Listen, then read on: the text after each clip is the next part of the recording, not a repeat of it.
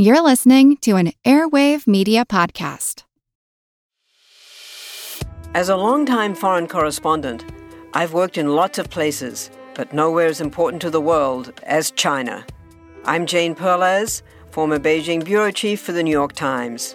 Join me on my new podcast, Face Off US versus China, where I'll take you behind the scenes in the tumultuous US China relationship. Find Face Off wherever you get your podcasts. We all know how important it is to keep your eye on the money, and not just your own.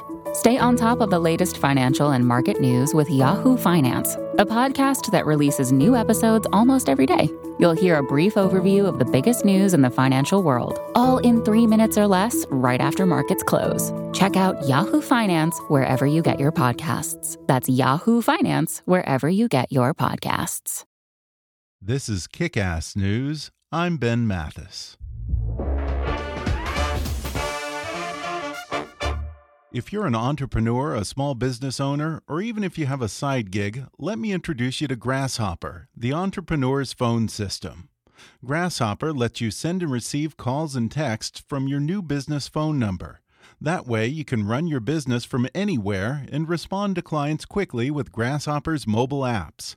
Grasshopper, sign up today. Go to grasshopper.com/kick to get $20 off your first month. That's grasshopper.com slash kick. And now, enjoy the show.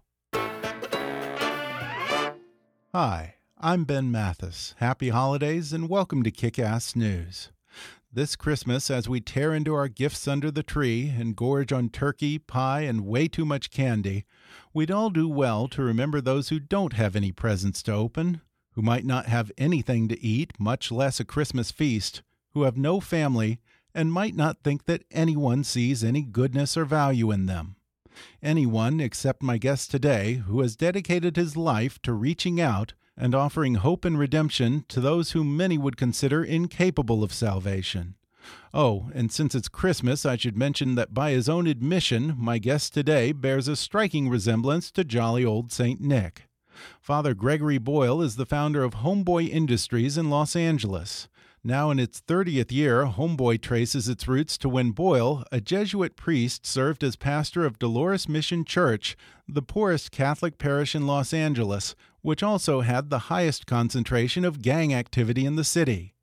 Homeboy has since become the largest gang intervention, rehabilitation, and reentry program in the world and employs and trains gang members and felons in a range of social enterprises, as well as provides critical services to thousands of men and women each year who walk through its doors seeking a better life. Father Boyle has received the California Peace Prize, the James Beard Foundation Humanitarian of the Year Award, and the University of Notre Dame's Laetare Medal.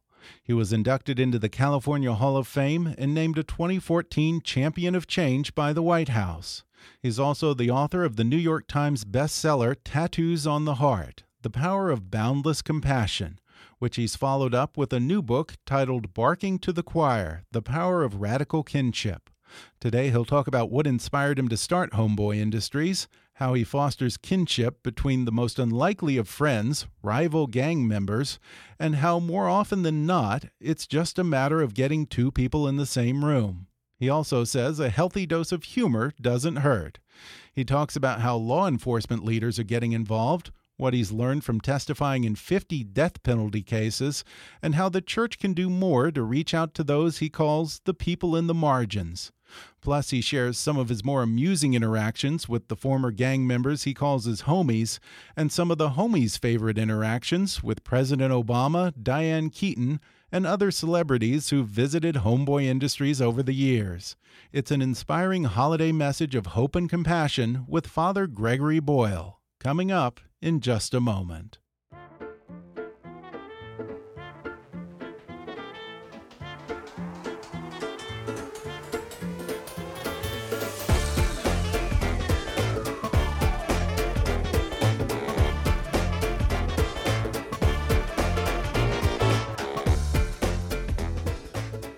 Father Gregory Boyle is the founder of Homeboy Industries, the largest gang intervention, rehabilitation, and reentry program in the world. He's the author of the New York Times bestseller Tattoos on the Heart The Power of Boundless Compassion. And now he's followed it up with his latest book, Barking to the Choir The Power of Radical Kinship. Father Greg, thanks for coming on the podcast. Great being here. Uh, first, for anyone who's not familiar with Homeboy Industries, tell us a little bit about what Homeboy Industries does. Uh, well, we've we're in our 30th year, and so uh, we receive 15,000 uh, folks who walk through our doors every year. The centerpiece piece of the effort is our 18 month training program. So the gang members want in on that because it's a paid gig. And so it's all about healing and uh, doing the work, as we call it. And uh, we have nine social enterprises and free tattoo removal therapy, case management, uh, a lot of curricular offerings uh, that help them kind of deepen their own uh, sense of who they are so that they can re identify, um, gain some resilience, engage in attachment repair, you might say. And then they leave us, and the, the essential healing has happened if they've cooperated in the 18 month program. How did this idea originally come to you? Well, it, it was evolving. Certainly in the early days, we didn't do all the things we do now, but we started as a school uh, because I was the pastor of a very poor parish with eight gangs at war with each other. So I was burying kids, and, and we had shootings all the time, morning, noon, and night. And wow. so um, the first thing I kind of observed were a lot of junior high, middle school age gang members who had been given the boot from their home school and nobody wanted them. So uh, I walked out to them. I said, if I found a school that would take you, would you go? And they all said yes. And then I couldn't find a school that would take them. So we started our own. And I gently asked the nuns if they wouldn't mind terribly vacating the convent. And we turned the convent into a school for gang members. then they asked for jobs. So we tried to find felony friendly employers. And mm-hmm initially we began as kind of a dispatcher, you know, let's find jobs for gang members. And that wasn't so forthcoming, so we started to create our own jobs. Why does someone join a gang? I understand from reading the book, you take issue with the idea that young men just join gangs because they want to belong, right? Yeah, I mean, there are all these notions, you know, and a lot of it comes from people uh, who are outside and kind of trying to figure out what's the rational rationale for this kid to join a gang. Oh, I know what it must. They must. Uh, it must be a sense of belonging. Or I was in a, uh, a major city in this country, and the chief of police handed me one of those brochures they give to parents. To kind of these are the signs that your kid is gravitating perilously close to a gang.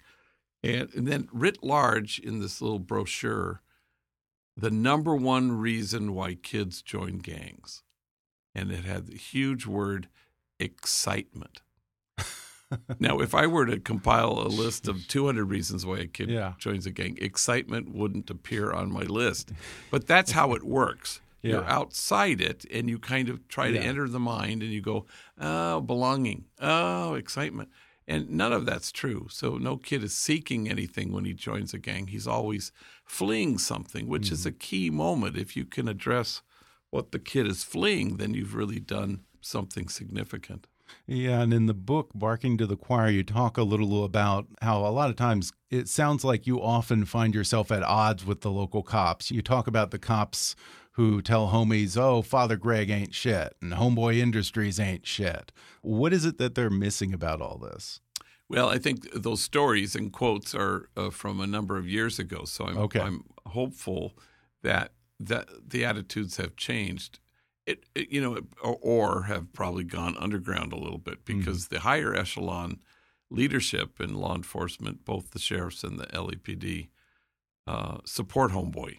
But huh. whether that actually trickles down to the rank and file is another question. Mm-hmm. But in the bad old days, when the demonizing was kind of uh, huge and pervasive and whole cloth, um, cops would be more provocative that way. Mm-hmm. Um, in fact, in the first 10 years when we had death threats, bomb threats, and hate mail, the mail, wow. the anonymous letters, were mainly from law enforcement. It was odd.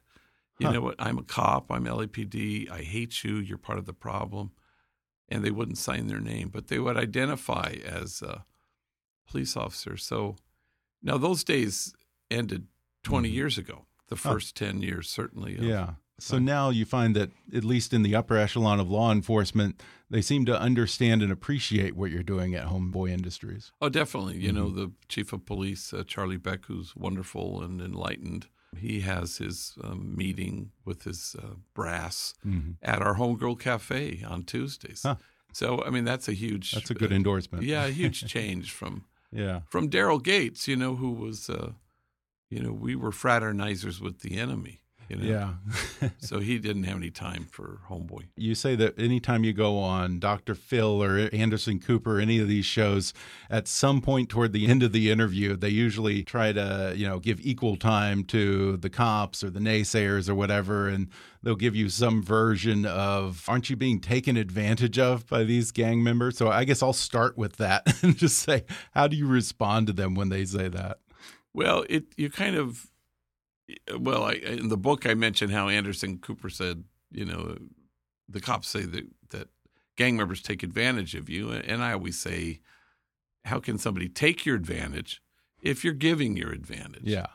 and so, but it's always that kind of well, the cops say you won't give them information. Mike Wallace did that once, you know, and. uh you won't give them up. You know, I remember him doing that with a room full of gang members. and and then I remember he said, turned to one gang member, they all called Koala. That was his gang name, Koala. And they said, he won't give you up. Why won't he give you up? Why do you think he won't give you up to the police? and the guy looked at him and he said, God, I guess, he said. and I thought that was wild. But again, it was the same ilk. It was, you know, um, when 60 Minutes and a producer called and said, Mike Wallace, uh, you're going to get good Mike, you know, Yeah. meaning the the one who's not going to try to Yeah. No, the gotcha subvert, stuff. not gotcha stuff. and yet they have to have something, you know. So cops Mm-hmm. don't like you, or cops say you know who did something, which is Yeah. kind of goofy. Yeah. I mean, in what universe am I going to say? Well, you know, it's crazy. but that was an expectation, and that's that was one of the things they'd all often say. You know, cops say you know stuff and you don't come forward, and I go, "Oh, that's not hard to understand."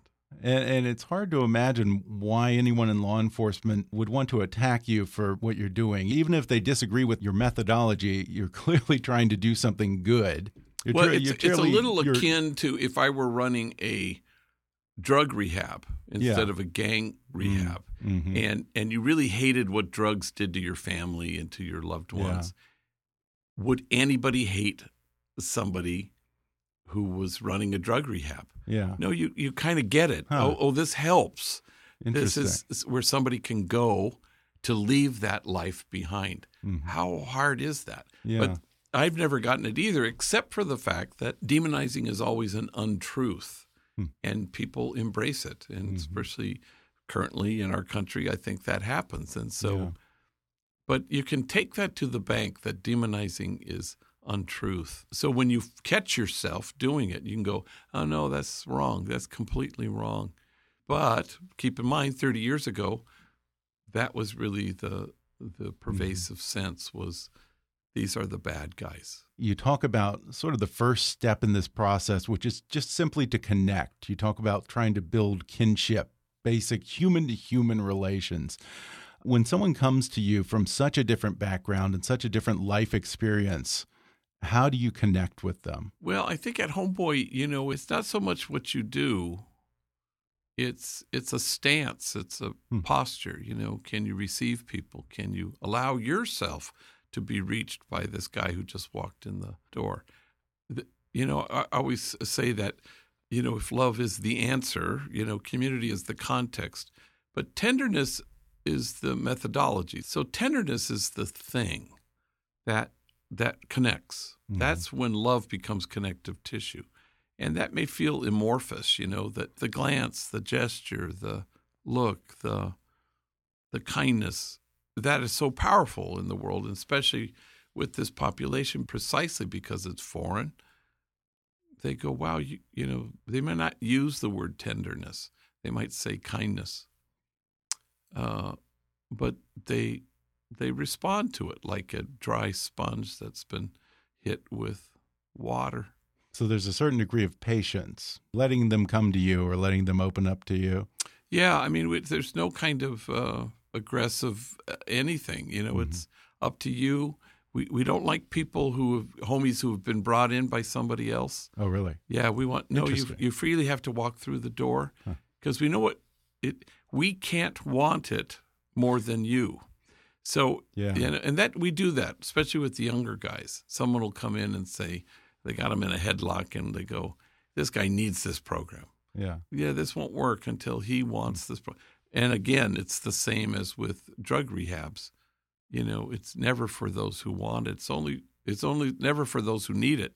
It's only for those who want it. So you have to deeply want it enough to walk through the doors mm-hmm. freely. And in a similar vein, you say that people often ask you, when do you bring a gang member to religion? And you say never. It was a question in Australia where the guy said, when do you introduce Christ mm -hmm. To the gang member?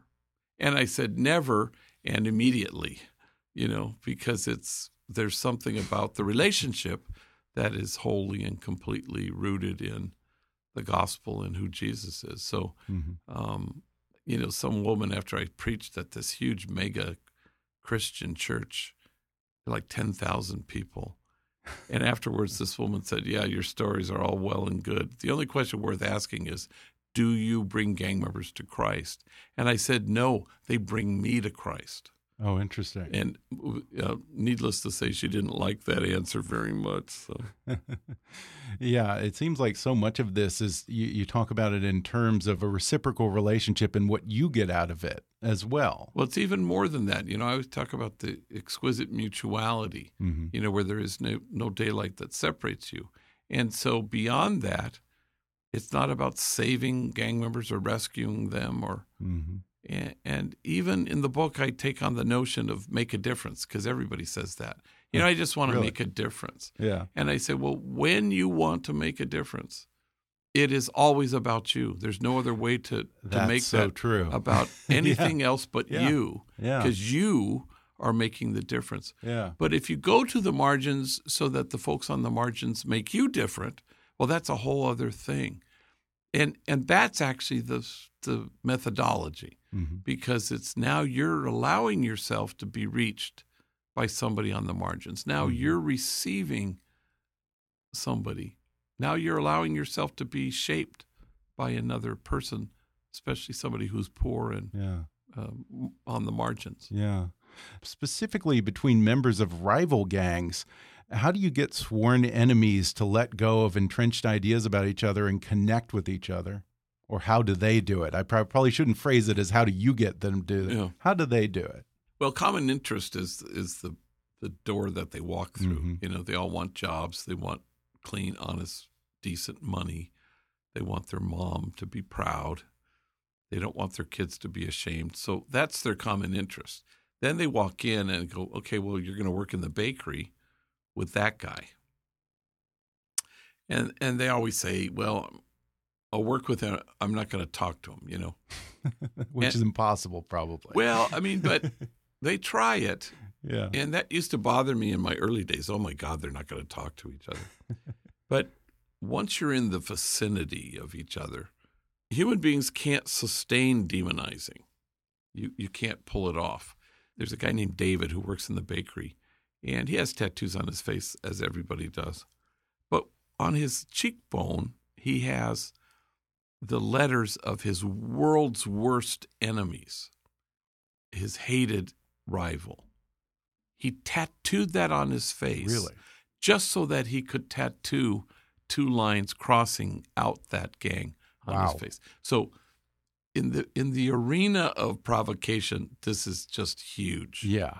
So there he is making croissants in the bakery, and next to him is a guy from that gang the gang of which he has crossed out on his cheek. And they say, you know, that men work things out side by side, shoulder to shoulder.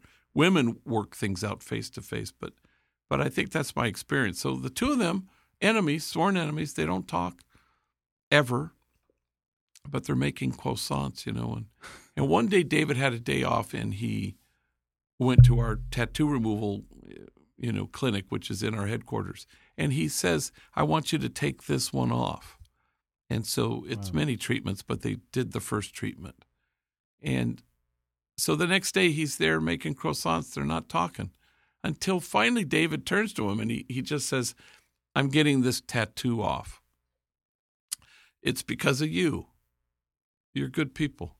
Wow. That was it. They didn't discuss it beyond that. It was just sort of an announcement. Hmm. And now they're uh, quite quite good friends. Wow, that's amazing. So proving that you really can't sustain the demonizing part. Yeah. When there's distance and separation and division, maybe you can. Mm-hmm. But put people in the vicinity of each other, and that's impossible. Yeah, it seems like that's an important message for these times. I mean, when you look at the news and the racial tension around the country and the political divisiveness, what are the solutions to you? How do we connect and better foster that kind of kinship that you talk about in this book? I think we're always trying to kind of address issues. Mm -hmm. And I don't think that ever works. I think it begins by people not taking the right stand on issues, but standing in the right place. And that's huh. why vicinity is such a good point. You know, the more you can kind of stand somewhere, especially with the demonized other, and that's true of anybody, then you discover that whatever you thought was dividing you was really about something else. It was about, you know, an ignorance of how people operate and who they are. And then once you're in people's vicinity, you know, then tenderness can happen where you go, wow, this this guy's interesting and hilarious and mm-hmm. kind. Well, that's probably not going to happen when you get in each other's vicinity uh, behind a police barricade during a protest. Yeah, you know, it's uh, people want to address things from some kind of systemic aerial view how do we address yeah, yeah. racism? And I, mm-hmm. I, I, good luck. Yeah, you know, because no kinship, no peace, no kinship, no justice, mm-hmm. no kinship, no equality. No matter how singularly focused you might be on those really worthy goals, unless there's some undergirding sense that we belong to each other, it can't happen. So so work for kinship. Watch what happens. Mm-hmm. You know, start from work, the ground up. Work for connection with with the people around you, and watch what happens. We're going to take a quick break, and then I'll be back with more with Father Gregory Boyle when we come back in just a minute.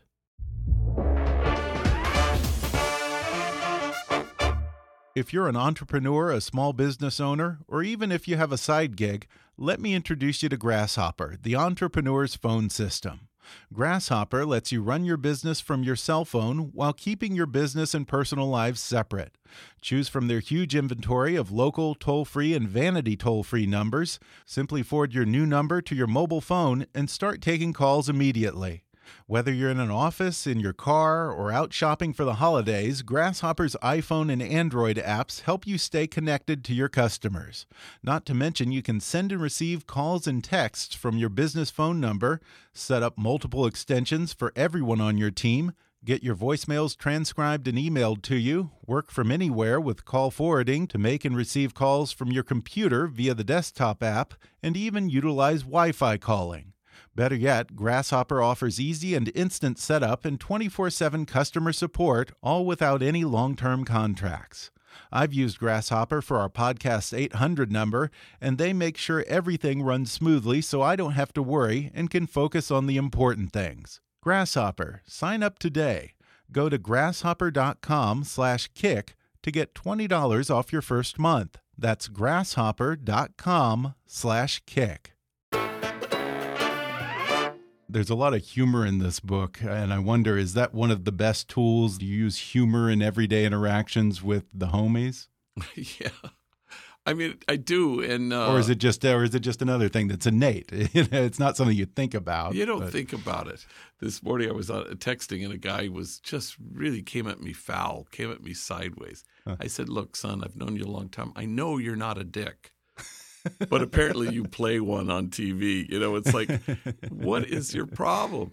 And so the banter goes back and forth. Part of it has to do with comfort level. You know, it, it, they call me sarcastic, and I and I am. One one homie said if they ever give out an award for most sarcastic human being, your sarcastic ass is going to win it. He said, but that happens, you know, because yeah. you're part of it is you know, I come from a large family, so there are eight of us, and that is Oh, how we operated. yeah. It just was hilarious, but Yeah. it was also take no prisoners. You know, Yeah. it was Yeah, jabbing each unfortunately other and oh yeah, I mean, so we were never. Oh gosh, how are you feeling about that? Oh hell no, you know, we just it was ruthless. So I've carried that into my life. But that's the thing, you know. People will say, "Oh my God, it must be so hard," you know. I go, well, no, it's mainly hilarious hmm every day. and I think this book probably has more uh, tattoos on the heart. The first book, you know, it, it was really born in the first 20 years, and especially the decade of death, which was 88 to 98. And I was burying at one point eight kids in a Wow. three week period. Oh my God. So there are a lot of stories where, and and the the goal in those days, especially when I spoke, was how can I get this audience not to demonize the gang member? Mhm. How can I get them to stand in awe at who these kids are, rather than in judgment Mhm. at how they've navigated their lives? So, so they were always the same. They, in many ways, I mean, they were true stories, but it would, you know, there would be the charming, funny. Oh, I love this kid. I love this kid. Oh, I love this kid. I mean, the audience is saying, and then the kid gets killed after the kid has come to all these discoveries of who they are, and and so there are a lot of stories like that in tattoos, Mhm. and but that was reflective of the time in which Yeah. I was writing it and I was living. This is different. This is has kind of a lighter be- yeah. because we're compared we- to the be- other book. yeah. because we're out Yeah. of that period where where kids were dying all the time. Yeah. So you you do feel that in some ways you've turned a corner.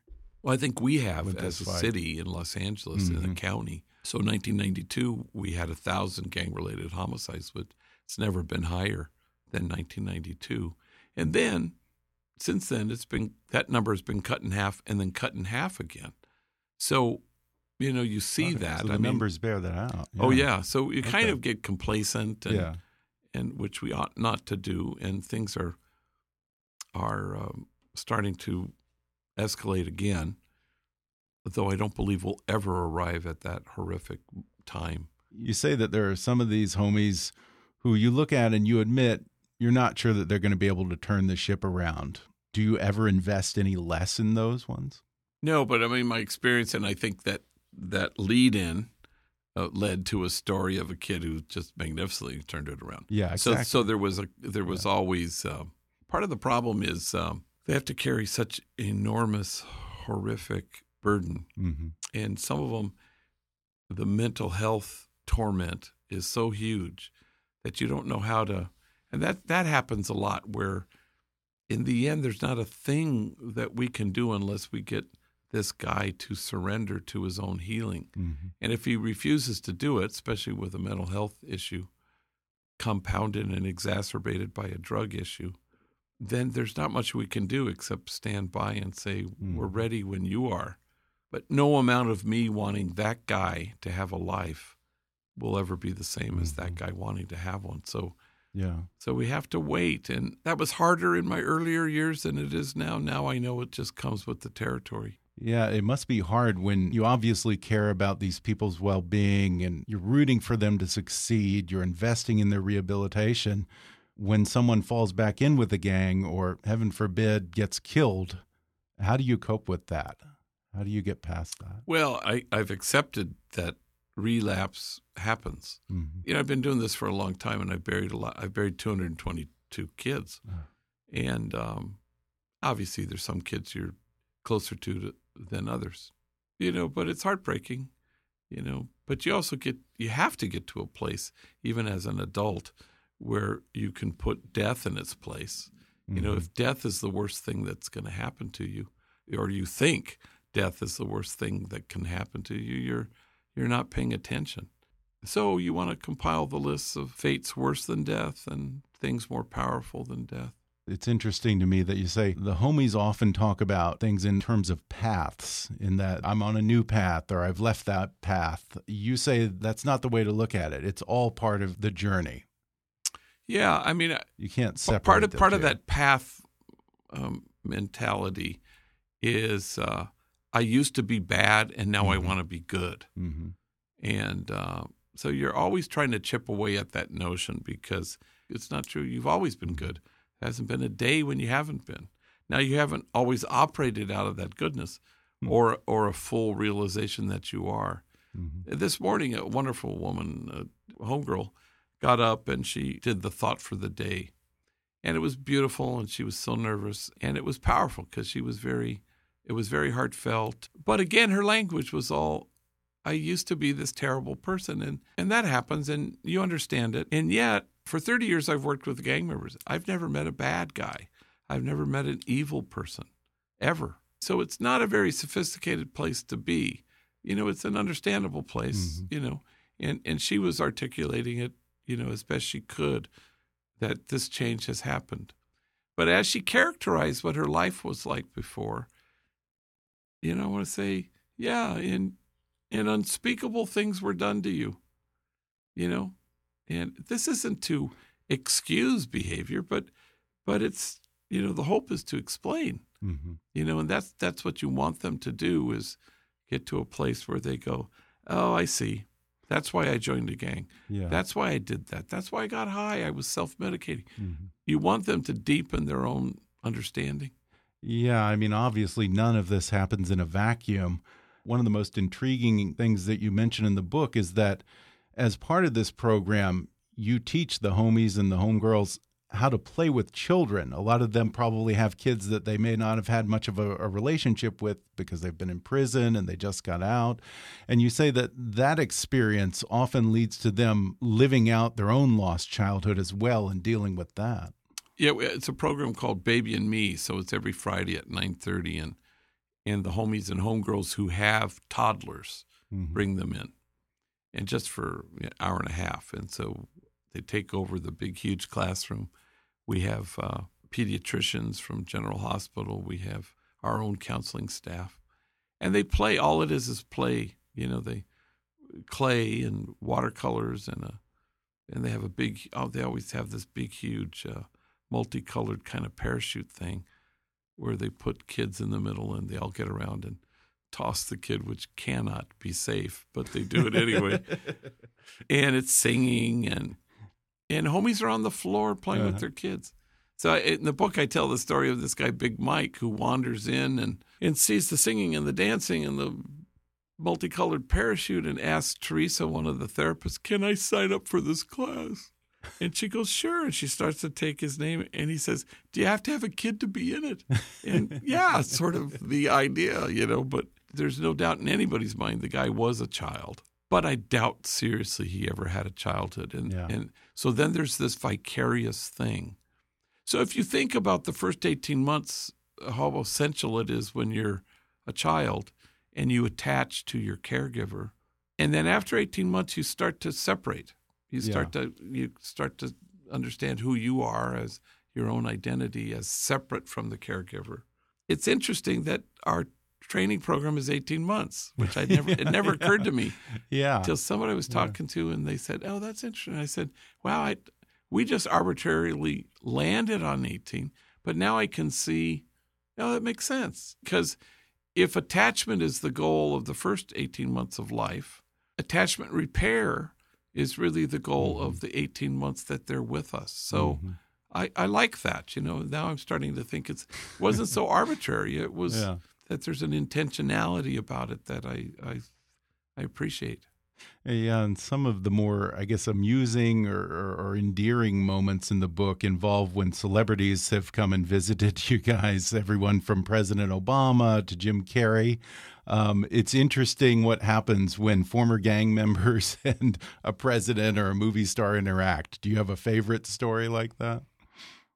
Uh, well, it, probably the most famous one was uh, Diane Keaton, who showed up and was having lunch, and and big movie star, Oscar winner, and her waitress is Glenda, and she, Glenda doesn't know who she is, and Glenda's a big girl, you know, tattooed, uh, felon, gang member, been to prison, so she's taking Diane Keaton's order, and Diane Keaton uh, says, "Well, what do you recommend?" and Glenda rattles off the three dishes that she particularly likes, and and it, for some reason at that moment something dawns on Glenda. She looks at Diane Keaton. She says, "Wait a minute, I feel like I know you from somewhere. You know, like maybe we've met."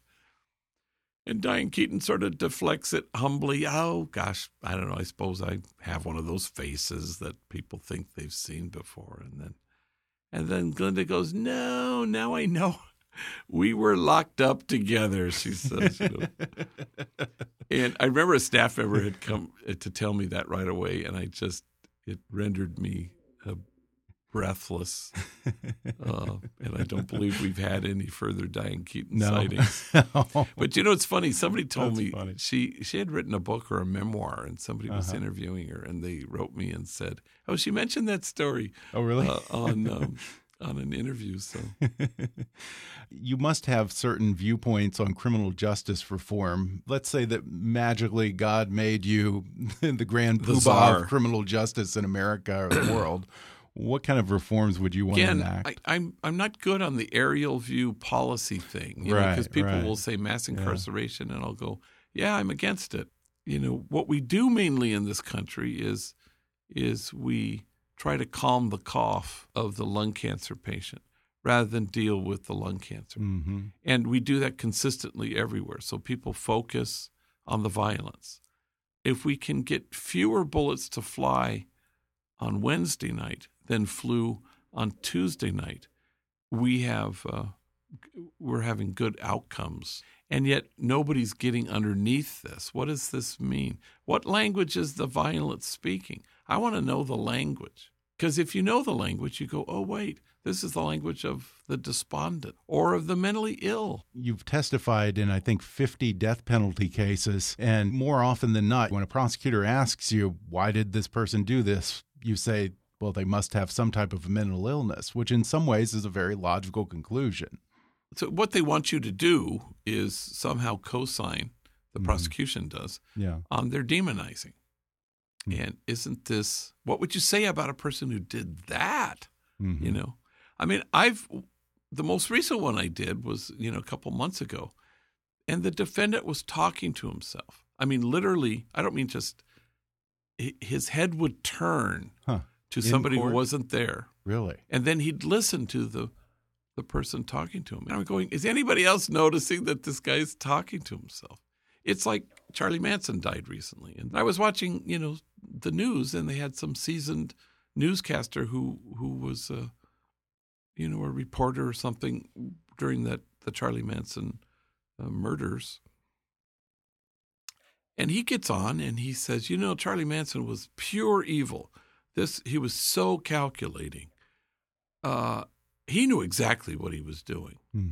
Then they cut to a kind of an old interview. I think somebody did a documentary, and they asked Charlie Manson in in prison, "Don't you feel any remorse?" He goes, "I do. I feel remorse. I wish I had killed 400 people." Ugh.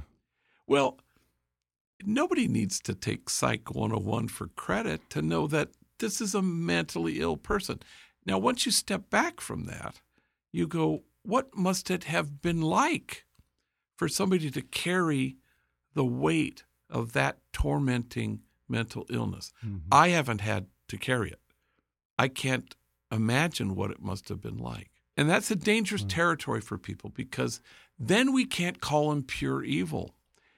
And then even as a priest, and, and I would want somebody to say, now listen to that statement, pure evil, calculating. He knew exactly what he was doing.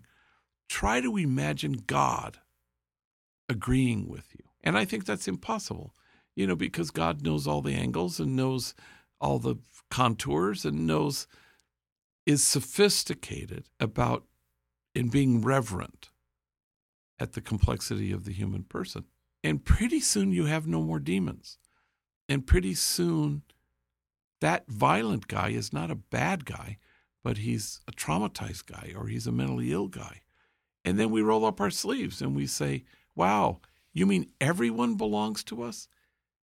Everyone belongs to us. Hmm. And things that we want to change, like mass incarceration, will change once that is embraced. Yeah, and I should mention that Pope Francis is a Jesuit like yourself, so That's I assume that you feel pretty good about the direction the church is heading in under him. long may he live. Yeah. Whoopi Goldberg is interviewed in Vanity Fair, a Q&A, and, and the question was, what living person do you most admire? And she says, Pope Francis. Mm -hmm. And then she adds this one line, yeah, he's going with the original program. Well, I think every man, woman, and child knows what the original program is. So you want to return to it. You know, you want to take seriously what Jesus took seriously inclusion, nonviolence, unconditional, compassionate, loving kindness, and acceptance. When we aren't accepting of women or gays or uh, immigrants or whoever, when we include some and exclude others, we aren't taking seriously what Jesus took seriously. When we advocate violence, we aren't. When we're when we put conditions on our love and kindness and compassion, mm-hmm. we aren't taking seriously what Jesus did. That's the original program. Everybody knows it. But we're frightened, you know. We don't want to the church sometimes doesn't want to return to the original program. They they want to return to 1954, which was the year I was born. But it was you know, it's it, it's another era. It's yeah. it's kind of where where it was more clerical, um, and oddly, when Donald Trump won, you know, in the L.A. Times, somebody, a woman said, "Look, I voted for him because I just want to return. I want America return to return to what life was like when I was a child." And I think, wow, when I was a child, you know, black folks were still sitting in the back of the bus, yeah. and women were second class mm-hmm. citizens, and gays didn't exist. Yeah. And you just go, I don't want to return to 1954. Yeah. If you return to the mm-hmm. original program rather than 1954, mm-hmm. it guides yeah. who we who we will choose to be. Since this will air uh, during Christmas week, what would be your Christmas message, either from this book or in general? What would you want to leave people with? Um, when I was a kid, uh, all my sibs we discovered buried in a box in the attic was a recording that we discovered that our mom was an opera singer before she had eight eight kids, and huh, she recorded really "Oh Holy Night," you know. Wow. And I remember as a kid just playing the grooves off the thing and, and there was this line that stayed with me Long lay the world in sin and error pining till he appeared and the soul felt its worth. And yeah, it's about Jesus and yeah, it's about Christmas, but it's about people appearing, you know, showing up, listening, allowing themselves to be reached by the other, especially the demonized other, especially by the easily despised. You appear, and the soul feels its worth, not because you have filled that person with worth, but because it is the encounter that is mutually ennobling, and that's the kinship to which we are called. Well, you're doing wonderful work at Homeboy Industries. And where can people find out more or donate? They can go to the, our website, okay. homeboyindustries.org. Well, the book again is called Barking to the Choir The Power of Radical Kinship. Father Greg, thank you for joining me and Merry Christmas. Same to you.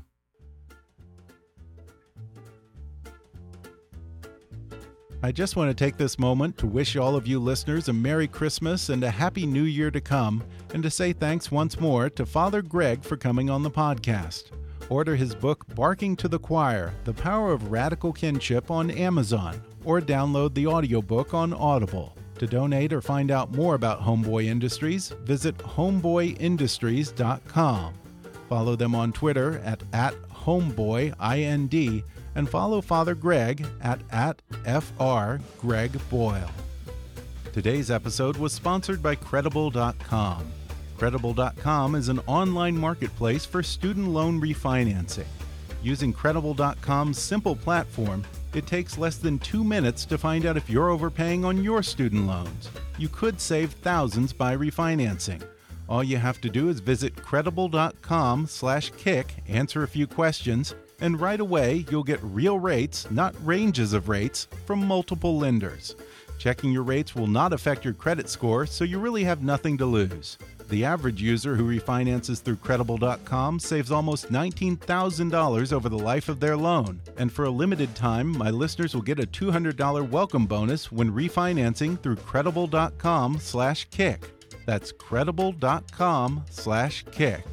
If you haven't already, be sure to subscribe to Kickass News on iTunes and leave us a review. You can follow us on Facebook or on Twitter at, at KickassNewsPod.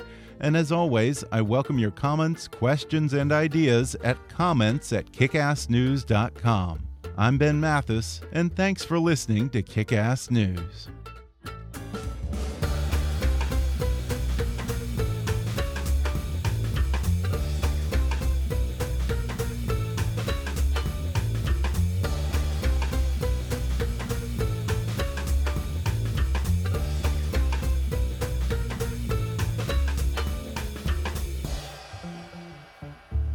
Kickass News is a trademark of Mathis Entertainment, Inc.